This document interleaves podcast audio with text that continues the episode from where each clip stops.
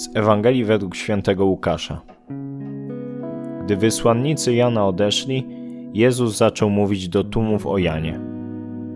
Coście wyszli oglądać na pustyni? Trzcinę kołyszącą się na wietrze? Ale coście wyszli zobaczyć? Człowieka w miękkie szaty ubranego? Oto w pałacach królewskich przebywają ci, którzy noszą okazałe stroje i żyją w zbytkach. Ale coście wyszli zobaczyć? Proroka? Tak, mówię wam, nawet więcej niż proroka. On jest tym, o którym napisano. Oto posyłam mego wysłańca przed tobą, aby ci przygotował drogę. Powiadam wam, między narodzonymi z niewiast nie ma większego od Jana, lecz najmniejszy w Królestwie Bożym większy jest niż on. I cały lud, który go słuchał, nawet celnicy, przyznawali słuszność Bogu, przyjmując chrzest Janowy. Faryzeusze zaś i uczeni w prawie udaremnili zamiar Boży względem siebie, nie przyjmując chrztu od Niego.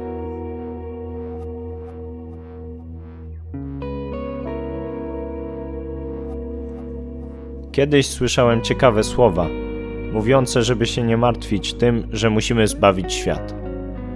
Świata nie zbawimy, niezależnie od tego, co będziemy robić. Świat już jest zbawiony. Jezus Chrystus tego dokonał. Nasza rola na Ziemi polega na pozwoleniu Bogu działać przez nas. Polega na przyzwoleniu Mu, aby On przez każdego z nas wprowadzał Królestwo Boże na Ziemi. On jest źródłem wszelkiego dobra. My mamy być tylko pośrednikami. Dziś w Ewangelii jest mowa o dobrze nam wszystkim znanej postaci o Janie Chrzcicielu. Ale kim tak naprawdę jest Jan Chrzciciel? Jaką rolę spełnia w historii zbawienia? Przypatrzmy się temu, co pismo o nim mówi. Oto posyłam mego wysłańca przed Tobą, aby Ci przygotował drogę.